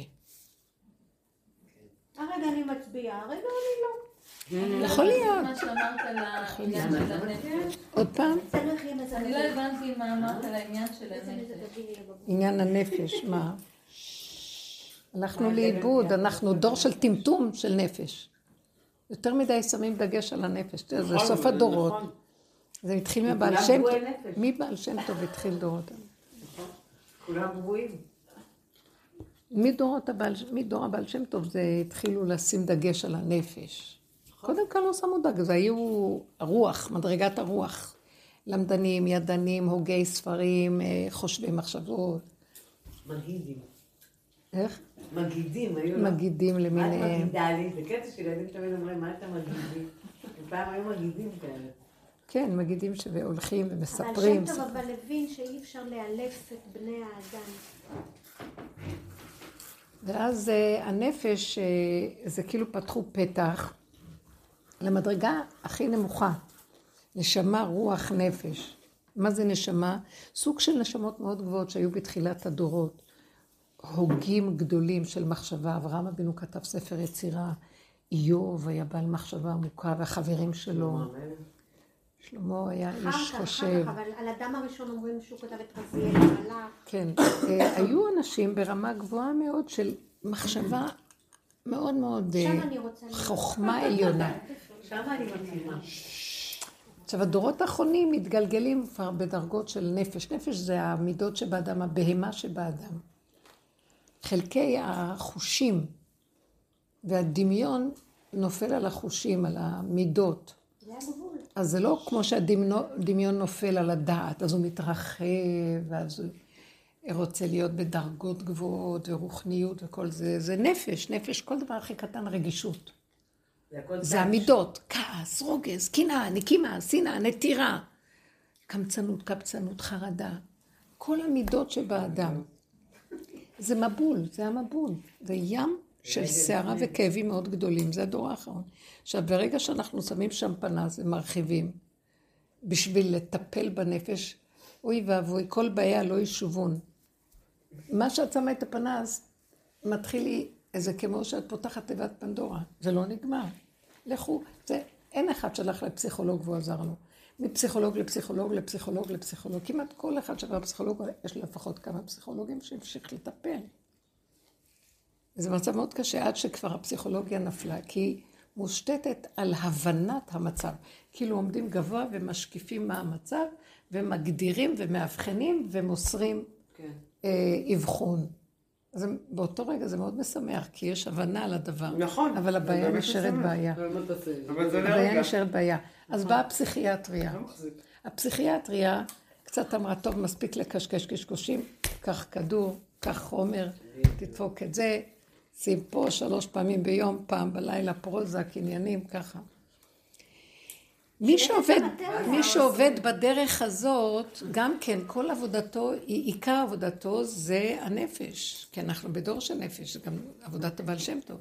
אבל אנחנו לוקחים את כל הדעת שלנו ומורידים אותה למטה. קיבלנו דרך עבודה מדהימה. שאנחנו בעצם שמים פנס על הנפש, לא בשביל לפתור אותה, בשביל לפרק לה את הצורה, לראות את המנגנון שלה ולהגיד, זה דמיון, זה משוגע, זה אין לדבר הזה סוף. וזה לא השני עושה את זה, זה אני, וזה בשורש שלי הסיפור. אז כבר אני התחלתי למקד את הבעיה בי ולא זה, ולרוץ להוא לסדר לי את זה, והפסקנו לרוץ לפתרונות ועצות וכל מיני דברים, והתחלנו להכיר שאנחנו הבעיה. עכשיו, זה קשה, כי אם פעם היה בעיית נפש והשני נותן לי איזה רעיון, נחמה פורטה, פה עכשיו צריך להישרף עם עצמי, שזה מה שאני, עד שאני מתחיל להבין שגם השרפה הזאת היא דמיון שלי. כי זו הפרשנות והמשמעות שמציצה לי מהספרייה העליונה של עולם הרוח, וגם היא זאת שמתעלל, אני קוראת לו המתעלל, זה עכשיו ממש. תמר, מתעתע, מתעתע. ומתעלל באדם, הנה הוא קם יחד, מתעלל קם יחד איתי, עוד לא קמנו, כבר קם. קשקש, קשקש, וכל עבודתנו היה להתבונן בו ולהתחיל לא לתת לו ממשות, עד שכבר תש כוחנו, וראינו שזה משוגע. אין מה לשים לב לאף אחד, ולא להאמין בשום דבר, ולא להתרגש בשום דבר, ולעקוף, ולרדת מההרגשים. כל הדמויות שסביבנו, אחד אחוז בזוגיות, אחד אחוז בילדים שלו, אחד אחוז בחברה, אחד אחוז... אין כלום, הכל דמיון אחד גדול. יש, הם קיימים, אבל את פה, את תיגע בגוף שלהם, אל תיכנס פנימה, לנפש שלהם וגם לא למוח שלהם ולראש שלהם. שלום, מה זה קשור אליי? תעביר את המלח, תיכנס, תצא, כל הכבוד. למה שאני אפצע את עצמי בלי סוף? לא, לא בגלל שהשני לא בסדר, בגלל שאני מגיבה לשני ואני פה נשרפת. ואין לי כוח להישרף. אז השני הוא הגרמה, כי הוא מראה לי, הוא המראה שלי. אז אני לא רוצה לראות, אין לי כוח כבר, כי אני כבר בידוע מקולקלת ואין לי... הנפש הזאת מעוות לא יוכל לתקון, אין לה תקנה. זה מה שכתוב בפרשת בש... בראשית, ויחו לו השמיים, הכל נגמר, ויחו לו השמיים, ויחל אלוקים ביום, ואחר כך וישבות אלוקים, ואחר כך ויברך אלוקים. שלוש. מה זאת אומרת? נגמר הכל, רש"י אומר, שבת, אחר כך שבת ויהי נפש. רש"י אומר, מה זה ויהי נפש? ויהי אבדה נפש. זאת אומרת, וואי, וואי, וואי זה וואי, וואי, אין נפש, אין נפש, אין כלום. מה יש? שבת נכנסה, מה יש בשבת? גוף. אוכלים טוב, יושנים טוב. שותים. וחיים עם הגוף טוב. שמעתם? זה שבת. אין אה, פעילויות אינטלקטואליות, אין, אה, עושים שיעור.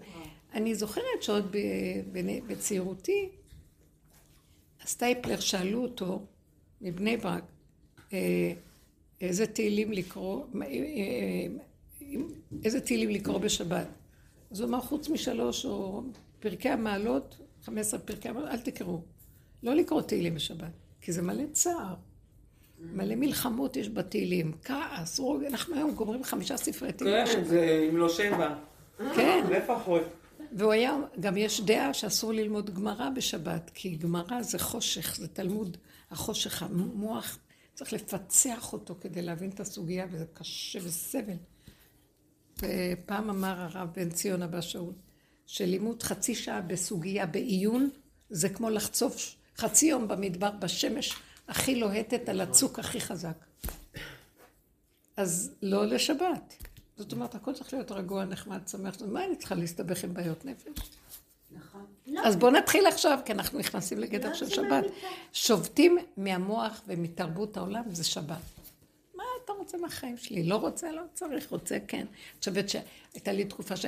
יש דברים שמרגיזים, אז מה שלא ניסיתי לעשות, לעזור, לחנך, לסדר, להבין, לא עוזר כלום. בסוף אמרתי, אז לא צריך. לא, לא. העיקר שאני אשמר. ואני אחרי חיים טובים מעצמי לעצמי, והכל בסדר. לא, אז לא. עכשיו, עם ילדים זה קצת שונה, כי את לא רוצה גם להפקיר, אבל את עושה את שלך מבקשת רחמים.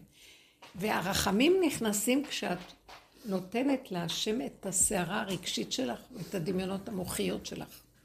שם הוא נכנס. תני לו גוף. הוא נכנס בגוף הפשוט, שהאדם הוא כמו גולם עושה פעולה ומבקש רחמים. אני לא יכול להתמודד עם זה, תעזור לי.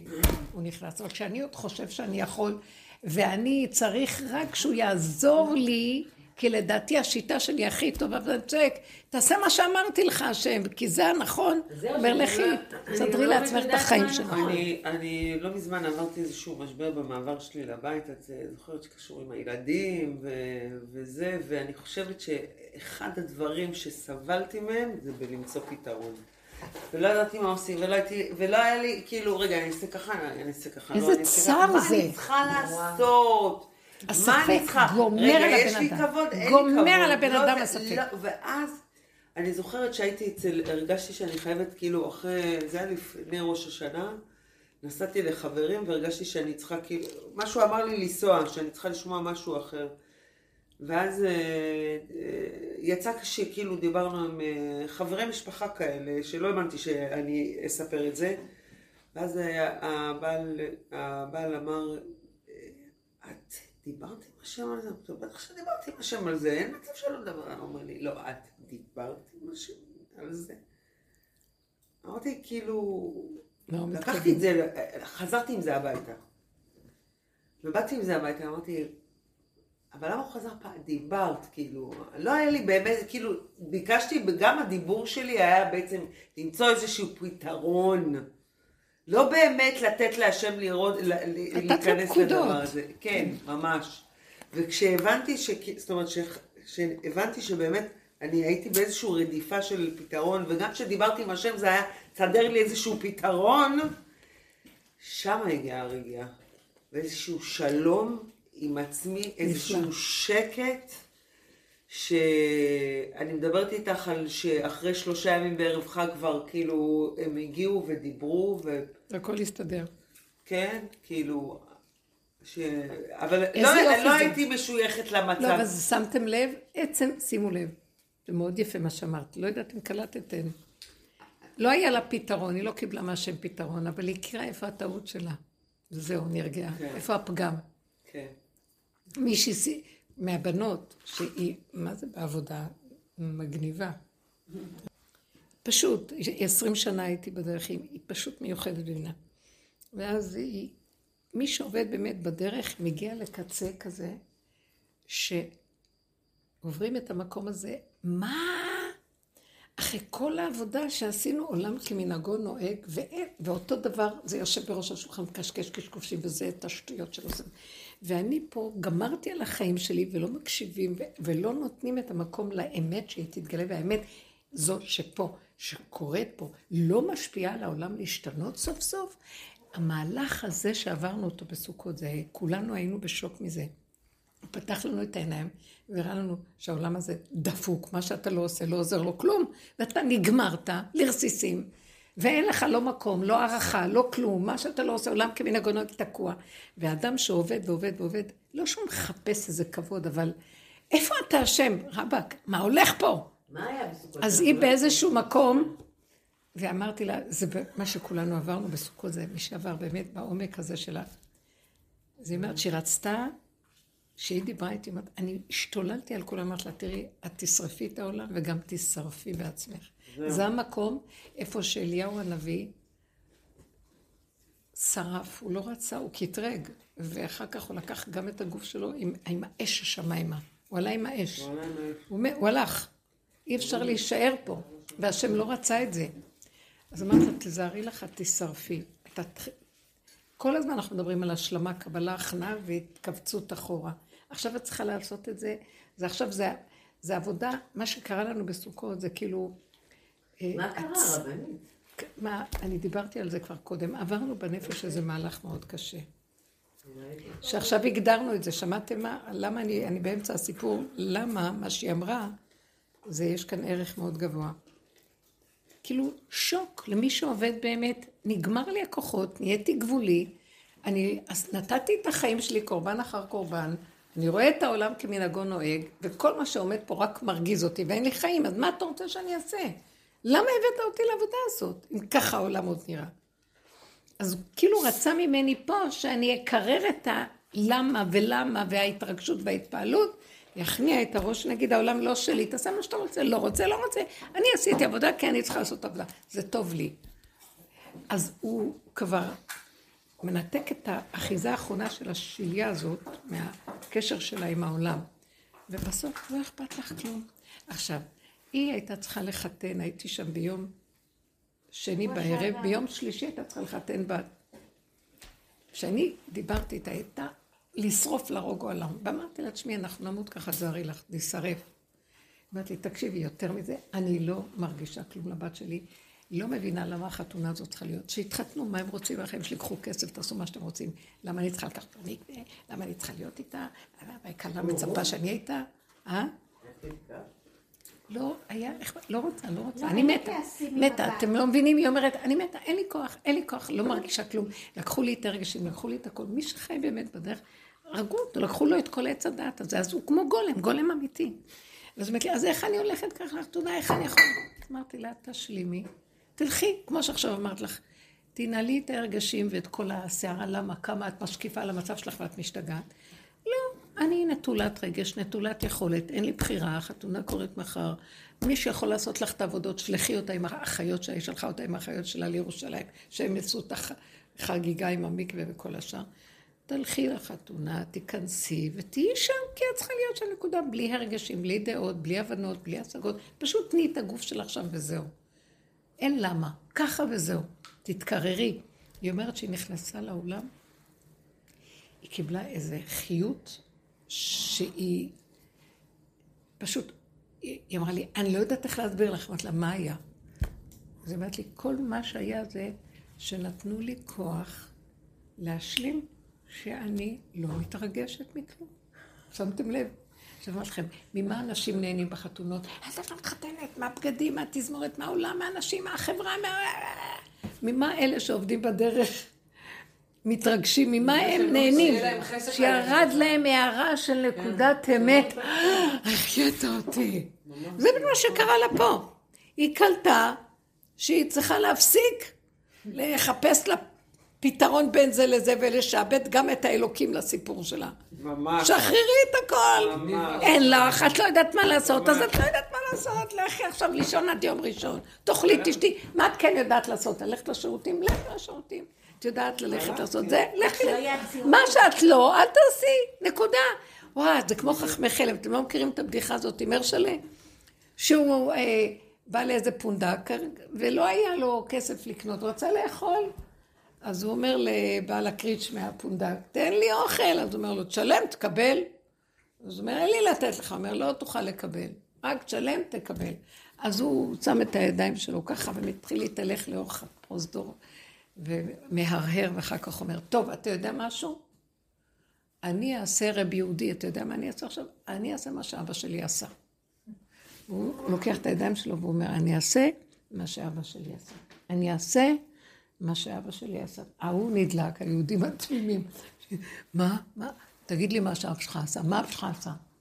אז הוא אומר, אני לא אתן לך עד שתביא לי לאכול, אני אגיד לך מה שאבא שלי עשה. נו, תגיד. לא, תיתן, תיתן מרק, לפחות תיתן משהו. לא? הוציא ממנו צלחת מרק טובה עם לחם. אכל, אכל, ואומר, נו, תגיד כבר, תגיד.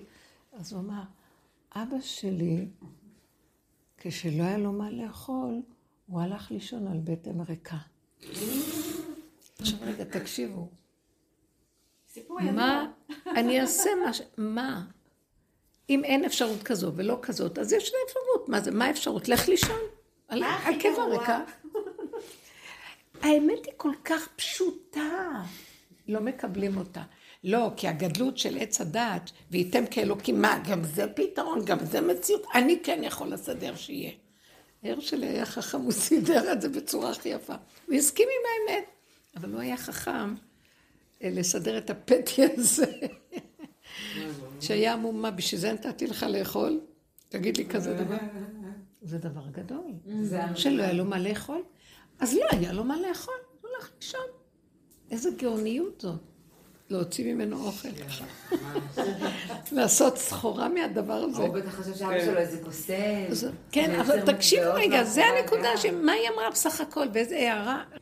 הערה שקיבלתי, כאילו שמחת עולם ירדה על ראשי. ממש. שהתפטרתי מזה שאני כאובה, למה אני לא מתרגשת זה, מכלום כבר אה, בעולם. כאילו, לא צריך. כשאדם מוותר על הכל, מקבל איך שזה ככה, פתאום מה אכפת שמעת לו. ענת? מדהים. אתה מנסה לקבל... לא להיות רציני, לא להיות חשוב, לא להיות בדיכאון, למה ואיך, ככה וזהו. יורדת שמחה לעולם. לא, אין שמחה כהתרת הספק, כי ככה. איזה פשוט זה.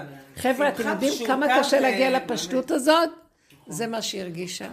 אה, ושמחה, הכל בסדר.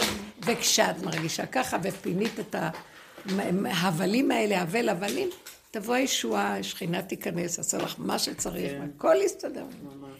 אז אה, אמרתי לה, את רואה, עברנו את השחיטה הזאת, ומה הייתה השחיטה שעברנו? וידוא הריגה, וידוא מיתה, שאנחנו כבר התפטרנו מההרגש של העולם, או איבדנו את רוב האחיזה, מה שנקרא. כי הגוף כבר, אנחנו כבר לא יכולים להכיל. המוח הזה מתעלל בנו, ואנחנו גבולים כמו, הולכים למות. ודי, לך, תן לי להשלים עם הגבול איכשהו. יש כוס, יש, אין כוס, אין. שימו לב מה קורה בעולם. כל האיסורים שיש לאדם, באיסורי גוף, איסורי נפש, איסורי מוח, רוח, זה שהוא לא משלים עם דברים, והיה חושב שהיה יכול להיות אחרת. והוא כן היה יכול זה ולא זה, ורק ב...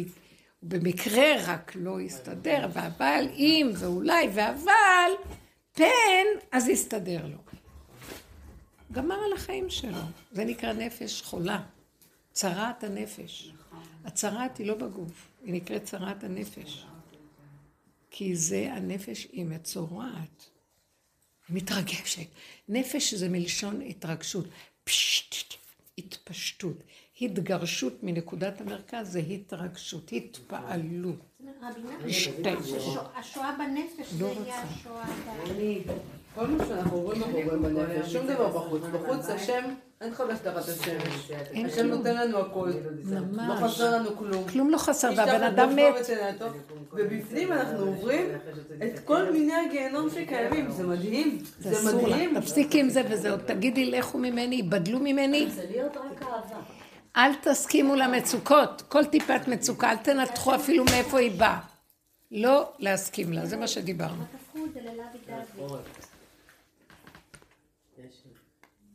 לא יודעת. גם זה פרשנות. מאוד בא לי לעשות הילינג, אה. את יודעת? מה? עשו לך פעם הילינג? את יודעת מה זה? לא. כי ממש אה, יש לי דחף לעשות לך. כאילו, אה, את יודעת לעשות? כן. כאילו, הנני. אני מקבלת אה, ממש עכשיו, אה, מה, מה, מה? כאילו, מסרים שצריך לעשות לך. אני אני רוצה, לס- מה זה עושה- מה זה- כן. מרשה לי כן, לספר את מה, הסיפור של אימא כן, שלי? בטח, בואי בואי. אימא שלי נפטרה לפני שלושה חודשים, קוראים לה רחל מירון, ואימא שלי, אמ, פשוט את התחלת לדבר בתחילת השיעור. אין לך קשר עם פנינה מירון? לא, אה, לא. אבא ש... אה, אה, היא התחתנה עם אבא שלי, אבא שלי הוא מיארה, משפחת מיארה פה ממושב רינתיה. אימא שלי רוסייה ואבא שלי מרוקאי. כשהם התחתנו לפני 50 שנה. אמרו לה, אמרו לה, את מתחתנת עם ערבי. אז היא עברתה את השם משפחה למירון. במקום? במקום? במקום מיארה, והיא לוין. לוין. אוקיי. עכשיו, אימא שלי, היא ראתה קדימה 40 שנה כל הזמן. כשאני הייתי בת 12, אני זוכרת שהיא הכינה אותנו לתקופה הזו. היא אמרה, בעוד הרבה מאוד שנים האנושות תעבור תקופה מאוד קשה, ואתם צריכים להתכונן לזה. עכשיו, היא עזבה אותי כשהייתי בת 12, למה? עזבה את הבית, עזבה, אנחנו מבאר שבע, עזבה את באר שבע לתל אביב. היא רצתה לה- להיות גורו, מורה רוחנית, והיו לה המון המון תלמידים ואנשים שהלכו אחריה. אבל היא כאילו ויתרה על המשפחה. עכשיו, מה שאת אמרת על ה... הילדים הם לא שלנו, היא כל הזמן אמרה את זה. היא אמרה, אני רק צינור. היא כאילו, היא לקחה תיאוריה רוחנית, כן, מדי מדי... אה, בדיוק, וכאילו ככה הצדיקה את המהלך שהיא עשתה. כן, יפה. עכשיו, היא לא יכלה לגדל אותנו, היא לא, היא, היא לא יכלה, היא לא יכלה להתמודד עם אבא שלי, היא לא יכלה להתמודד איתנו. הייתה חייבת ככה. היא הייתה גבולית. אבל. עד, ממש, אבל כאילו, גבולית שהיא כבר לא יכלה לשאת את זה. ו... ואז היא עברה באמת חיים של בדידות? כזאת. והיא הייתה גורו, גורו ממש בתל אביב, אנשים נהרו אחריה, ממש. מתקשרת אחרי כזאת. ה- כן, אחרי התורות הרוחניות. עכשיו, היא הייתה פתוחה להמון המון דברים בעולם. גם ספר הניסים, והקבלה, ורבנים גם, אבל בהמשך גם ברמה קומריס, אם את מכירה. כל. האנשים שאומרים שהם יחיו לנצ... לנצח, יש כל מיני תנועות רוחניות בעולם, והיא נחשפה להמון המון המון המון המון דברים. ובאיזשהו שלב היא גם קראה את ספר הידע, אם שמעת עליו. ספר? הידע זה מתיימר להגיד שזה הת... התנ"ך החדש, היא קראה אותו, זה ידע, לא יודעת, גבוה. כן. ובאיזשהו שלב היא שקעה בדיכאון, והיא גם אמרה, אני מרגישה שאני איבדתי את ההתלהבות שלי בחיים, לא התלהבה מכלום, והיא באמת הייתה בבדידות מאוד גדולה, כי היא הרגישה שאף אחד לא מבין אותה, כי היא רואה דברים 40 שנה קדימה. ו... זה מה שקרה עם שעברנו, וזה התעוררנו, אנחנו, אנחנו חיים עם תודעה פנימית מאוד גבוהה, עבודת נצח של שנים. נחתכנו למיליון חתיכות, ובסוף העולם ככה אפשר להשתגע. זה איפה שאליהו הנביא שרף את העולם, וגם נשרף גם. אמרתי לה, תזהרי, חזור לאחוריך, תהיי פשוטה, קטנה, תאכלי, תשתי, תשמחי, העולם לא שלך. תשתגעי. אנחנו נשתגע. ויש רגעים כאלה, ובניסיון הזה של העבודה הזאת, עוברים אותו, זה צליבת אש. ורק הרחמים של השם הצילו אותי. אם לא, אני הייתי באמת, אה, אני חוויתי כאילו סף כזה שאפשר לאבד את הדעת. זה מסוכן. זהו, אז, אה, מה שאני קיבלתי זה שצריך לעשות לך טיפול אנרגטי. כבוד הרבנית. אני לא יודעת, אני- זמין למהווה. אני אעשה לה, אני- אני- אני- אני עושה לך כל השיעור, אני עושה לך. אני מודה. אה, בגלל זה אני רואה כזה. ניצוצות כאלה, פתאום פה, פה. ואש יוצא. תקשיבי, יש לה אימא גבוהה, היא- יש מצב שהיא רואה... רק שלא תעביר לי את מה שהאימא שלה. לא, לא, לא, לא. היא... היא הייתה גבוהה, בכל מקרה היא הגיעה לניסיון הזה ולמקומות האלה. אני חושבת שהיה לה, כנראה, את יודעת, לא, זאת אומרת, לא היה לה את ה... לא היה איזון. ואגב, אח שלי. אח שלי תמצית עשה נוספת. מדיטציה ויצא מהגוף. יש עוד תמצית כזאת? יש שם עוד. כזאת. תעבירי את זה לברוריה. אה, סליחה. הוא חזר? מה? מה אח שלך? אח שלי עשה מדיטציה, יצא מהגוף ולא חזר. מה זה יצא מהגוף ולא מצאו חזר? אותו בתנוחה של מדיטציה. והוא היה אומר לאימא שלי שהוא מצליח לצאת מהגוף. ולא וואי, וואי. לחזור, ו- ובאיזשהו שלב הוא לא חזר. לא הייתה זה לא הגנה. הוא?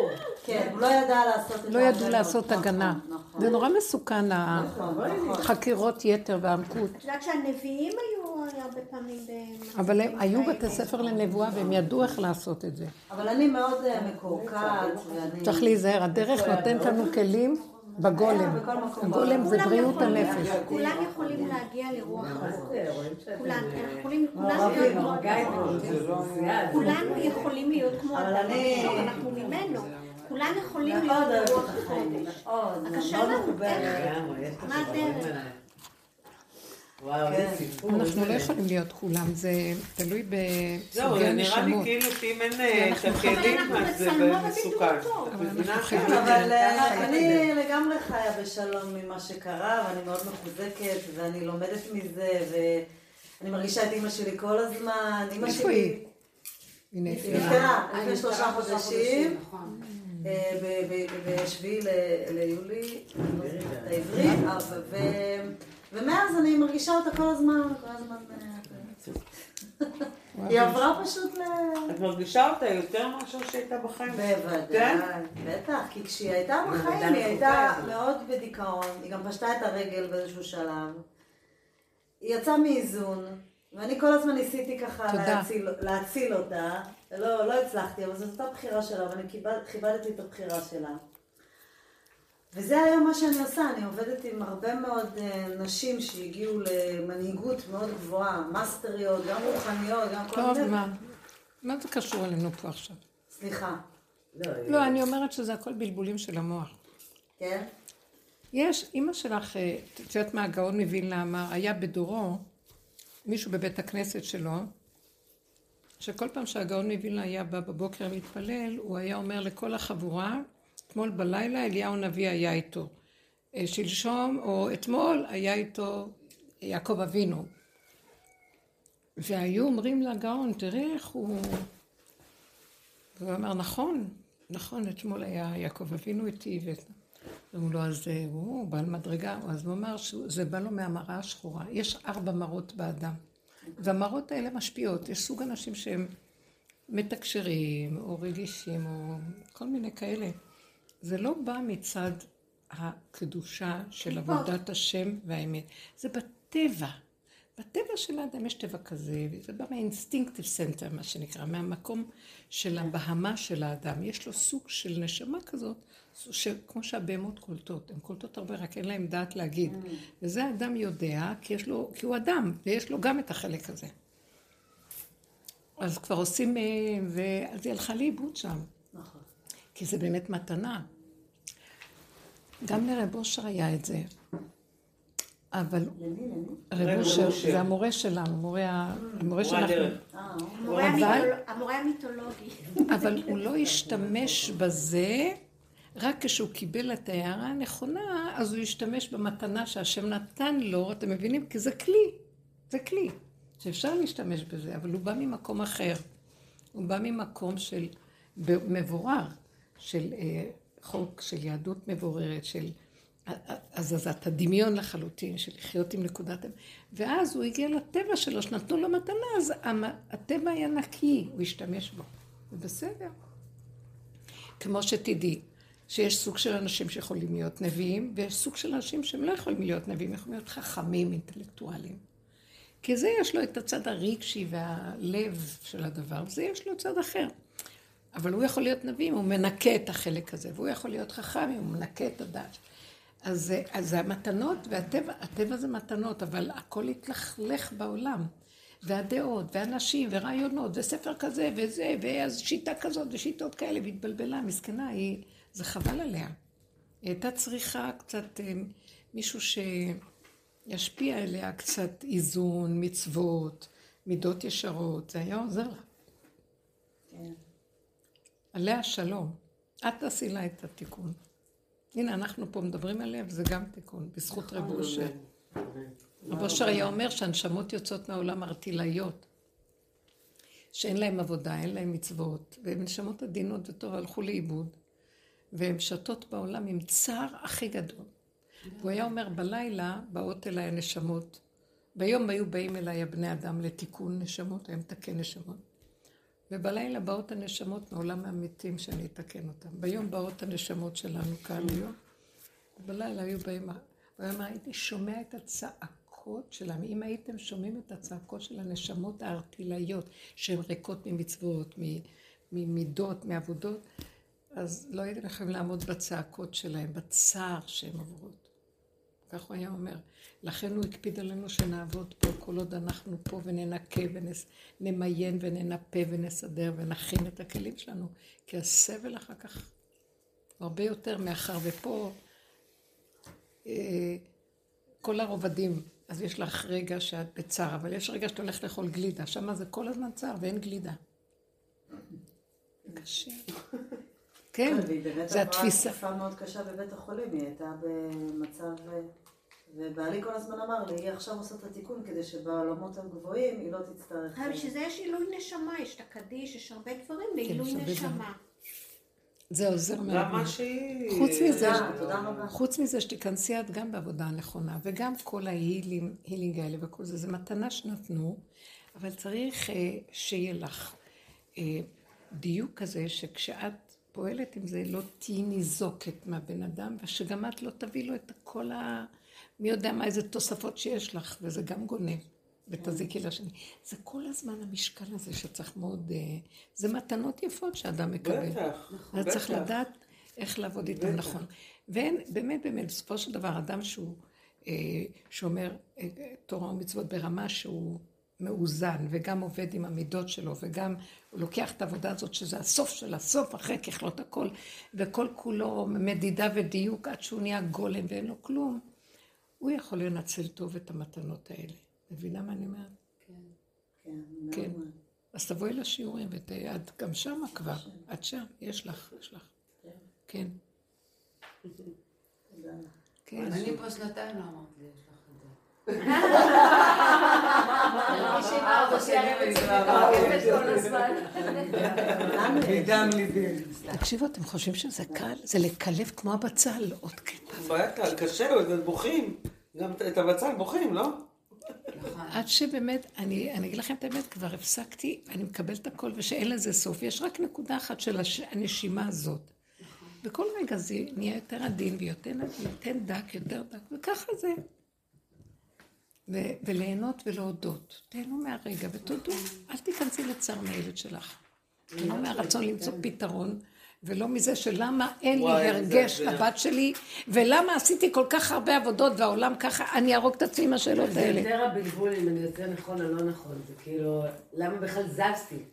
למה בכלל הזזתי? מה זאת פתאום...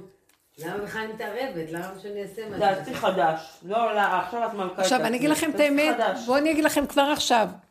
כשמגיעים למקום, אנחנו עכשיו עולים על כדור חדש. אין למה, אין מדוע. אין סימן שאלה, יש סימני קריאה, ככה. ככה. כי ככה. בלי לחקור, בלי לפרק, פירקנו עד זוב דם, אל תמשיכו לפרק. כי כל דבר שאני ממשיכה לפרק, הוא בונה לי עוד איזה מבנה אחר שאני למחרת צריך להיות... אין לי כוח כבר. אני מכירה את אלה שעושים את ה... אני מכירה את אלה שעושים את המיון לכ- לכדור החדש, כן? בכניסה הם אומרים לך, "את את מלכה או את מלכה? אה, יפה. ואם את תגידי, אני מלכה, כנסי. אני מלכה, לכי לעשות למה אותי? לא, גם וגם. גם וגם. אני מלכה את כולם. הרבנית, אני חייבת לשתף. כן. איזה חמודה שהיא מצביעה. אני עוברת, אני עוברת עכשיו אה, עם אבא אה, איזשהו סרט. לא נקרא לו סרט, משהו שקורה לנו תכף. בבית. אה, אימא שלי נפטרה לפני שנה וחצי, כולם יודעים. אבא שלי כמובן שמר שנה והכל. בא אלינו אתמול, אליי ולאחיות. אחרי שנה וחצי. אחרי שנה וחצי. לעזור. יש קרובת משפחה, נפגשנו כמה פעמים, רוצים לנסות. קשר. קשר. מעולה. נו, מותר לו אחרי שלושים. תקשיבו טוב. בתוך לא השבעה. שנה וחצי. לא אה, אדבר. תוך השיבה מותר. אני לא רוצה, כאילו, אני לא יודעת באיזה דרך להסביר לכם באיזה צורה אני הגבתי לסיפור הזה, ובאיזה צורה האחיות שלי הגיבו לסיפור הזה. זה בדיוק מה שהרבנית אמרה היום. אני אמרתי לה, וגם אמרתי את זה עכשיו לעניין. אמרתי, יש חברה? אמרתי לו, אבא, אני מבינה את הצורך שלך, אין לי בעיה, לי כואב רגשית, אל תצפה ממני לקחת חלק. נפשית, זה לא מעניין אותי מה זה קורה. כמובן שמבחינה משפטית, תגן על עצמך והכל. זה שלך בלבד. אני כרגע לא אכיל אותה, לא רוצה להכיל אותה. זה שלך ושלה בלבד. מה יהיה עוד יום, מה עוד חודש, חודשיים? אני לא מעניין אותי מה קורה ביניכם. לא רוצה לקחת חלק, זה שלכם בלבד. אני לא, אין לי כוחות, כמו שהרבנים אומרים, אין לי כוחות לקחת חלק בסאגה הזו. לעומת זאת, יש לי אחות, מה- מקסימה מהמם עצמה. אם תשמעו איך היא מדברת, אני אומרת איך יכול להיות, עכשיו אני מנסה היום בכל מאודי להגיד לה, "תר- רק תירגעי, היא באטרף, היא תיקח לו את הכס, היא תעשה לו כך, היא- היא יתחתן איתה. הבן אדם בן 83, בודד, חי עם אמא שלי, 55 שנה, רוצה חברה. את יכולה לדבר איתו על דברים בז'רגון שלו, הוא בן אדם בן 83, את מבינה מה זה פרוסטטה? את מבינה מה זה כדורים לשולי ודובי? לא יודעת מה, כאילו. לא, הוא צריך... אני מבינה את הצורך. למה את מתעסקת בכל הסמנטיקה? אימא, והיא מסכנה, והיא... והיא? תשב על הכיסא של אמא והיא תישן במיטה של אמא. כל? ההתעסקות וההתרגשות, תקנה להם סדינים חדשים איך הוא, מתנה. איך שנה וחצי זה עוד מוקדם. עכשיו, אני נשבעת, אני מבינה את הכאב. מה את מתרגשת? גם לפי איך שאת לא. מספרת, זאת השאלה, למה, לא לא, השאלה. למה אני, למה? לא, אני מעצימה, למה. אני מעצימה את זה? כי אני אני רוצה שתבינו איך אני לא מתרגשת כהוא זה ממה ש... אני באמת אומרת את זה, למה אני גם מספרת לכם את זה ככה? כי תבינו לא, רק הדרך. איך אני, מהדרך, הבנתי שאני, ככה אני מתייחסת לסיפור הזה. כך זו העמדה שלי. לא באה יותר מדי טאצ'י, זה שלא בלבד, מה אני צריכה עכשיו לקרוא? אין לי את הכוחות. טוב, את, את מרבה מדי במילים, אמרת את זה חמש פעמים וחזרת על זה. חבר'ה, אתן צריכות להבין שאנחנו כבר אין לנו כוח ונשארנו רק גבולים, תגידי את זה פעם אחת. כן. אה, אבל איך אני מעבירה הנה לה את זה? התשובה. איך אני מעבירה לה את זה? לא זה לא. אחריות שלך. לא אחריות, אני רוצה שהיא גם תגיע לאיזשהו... אתם שמעתם את. הסיפור עם רויטל? היא אומרת, איך אני כל כך עבודה עושה וכלום לא השתנה פה, איך אני אזיז אותם? היא רצתה לשרוף אותם ולהישרף יחד איתם כאשר לא, עבדתי, לא עבדתי. זה. אז תיזהרי לך, את לא יכולה לשנות אותה. היא קוקוריקו. היא בדפוס של העולם. יש שם איזה, סליחה, יש שם יותר מההתרגשות של האימא. הפחד שיקחו לו את הכסף יותר גובר על הכול. הילדים נורא דואגים על הירושה. כלום, פתרתי לה את זה, אמרתי לה, מחר עושים הסכם ממון, הכל בסדר, פתרתי לך, נו, הלאה, מה? מה מציק לך? לך? לא להגיד לה מה מציק לך. אל תתעסקי אני אגיד זה לך את. את האמת, בדיוק. אם את אומרת לה, אני, ברור לי, אין לי כוח, הוא רוצה, אז ברור. תישארי עם האין כוח הזה. למה? זה. גם מולה. מה? כן. רק, אתם שמעתם מה אמרתי מהילדה הזאת, שהנכדה שלי, הגבולית הזאת? תני, אמרתי להם, "את תשאיר אותה עם הגבוליות שלה, תני לה, תני לה, תני לה, תני לה, מתוכה יהיה מהפך, וזה ישתנה.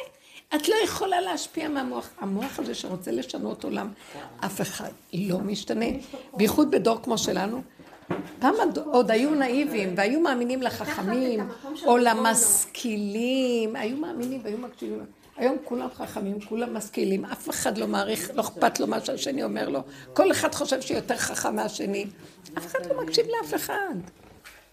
תני לה להישאר המיץ של עצמה, ואותו דבר את עם הילד שלך, זה חוזר על אותו דבר. תני לו להתבשל עם ה... למה, למה, למה, למה? עזב את הבית, זה כל זה לפני שבוע וחצי. רק שבוע וחצי גם, הוא עוד לא הבין בכלל שהוא עזב את עוד הבית. אין לי סדר, עוד אין לו יום, עוד לא יודעים מה הוא, איפה הוא. את צריכה לדאוג שיהיה לו סדר ושיהיה לו... ס- טכני, שיהיה. טכני הראש שלו באדמה. אז פתרת לך את הבעיה. הראש שלו מדי מורם, מדי פתוח. למה שלא יעשה שטויות? את צריכה שהוא יהיה עסוק, עסוק, עסוק, עסוק, עסוק, אני. לא שמה. עכשיו, רגע, בואי עכשיו. איתה. אני בבית שלי, אני לא שמה. די, לא יודעת מה, לא מבינה מה את אומרת. אני יודעת שאת צריכה להיות אחראית עליו בגדר טכני פשוט. תמלאי לו את היום, וזה, שלא יהיה לו זמן פתוח. מה אני אמלא לו? אז תשימי אותו במסגרת שתמלא לו. אין מסגרות שממלאות הרבנים. יש לא מסגרות מסגרות כאלה. יש. מלא בתי ספר נהדרים בגילאים האלה. אבל כן, זה עד ארבע. עד שעה חמש, שש, שבע, שמונה. אין דבר כזה. יש עד ארבע. ומארבע עד שמונה תביאו אותו אליה על ירושלים. בדיוק, גם ארבע זה טוב, הוא בא הביתה, שישב במחשב, אבל מול העיניים שלך, זה גם דבר טוב. טוב, בקיצור, מה שאת אומרת פה, רגע, אני אומרת לך, זוזי הצידה, תרגישי שאין לך כוח, תרגישי שכבר די מהעולם הזה וכל ההבלים שלו, את מזהה את השטויות שלה. היא רוצה עם, עם עצמה, היא לא רואה אותו ממילימטר, לא אכפת לה מאף אחד, רק ממה שהיא, לה יש בעל, היא הולכת לסדר את לעצמה. הוא מסכן יושב לו לבד, מה יש? ואין יותר שמחה לנשמה של אימא שלך מזה שהוא התחתן. אם הייתם יודעים איזה שמחה יש לנשמות לצאת מפה, כשהם באמת עשו את מה שצריך, הם לא רוצים, הם רוצים, אומרים, בשבעה הם צועקים, למה אתם עצובים? אנחנו הכי שמחים. טיפשים אנחנו, טיפשים. אז מה היא עכשיו? היא אומרת, לא, אמא עכשיו לא תוכל לסבול את ה... מה אתה חושב שאימא שלה דמיונות. יושבת ככה בקבר ועושה לו ככה, תזהר לך? אמרתי לה, מאז שאימא שלי ילדה, הוא לא מעניין אותה, רק אנחנו מעניינות אותה. נראה לך שזה מעניין אותה? היו פה איזה משפחתיות. זהו, עכשיו שהיא למעלה, הוא לא מעניין אותה, אנחנו מעניינות. משהו לא מעניין. כאילו שאנחנו גם יודעים מה מעניין אותנו. זה לך, והעולם אבא הזה לא נמצא בראש, אין ראש. זה משהו אחר לגמרי. אבא שלי בן 80, אחרי שאח שלי נפטר. 99 אחוז החיים פה נהיה. עם הפיליפינית שלו, התחתן דמיונות איתה, על דמיונות. והביא את הילד, סתם. יש לי אח ממנו. כן כבוד. לא. תקשיבי, אני גם נכנסתי לסרט הזה, היא הולכת לגנוב לו את הכסף, היא. הולכת לקחת שום לו את דבר, הכל. מה פתאום, כן. תקשיבי, הוא רשם לה בירושה חצי, הוא נתן לה את הרכוש שלו, ואני רוצה להגיד לך שהיום אני מברכת אותה. כי כשאני הולכת לבקר אותו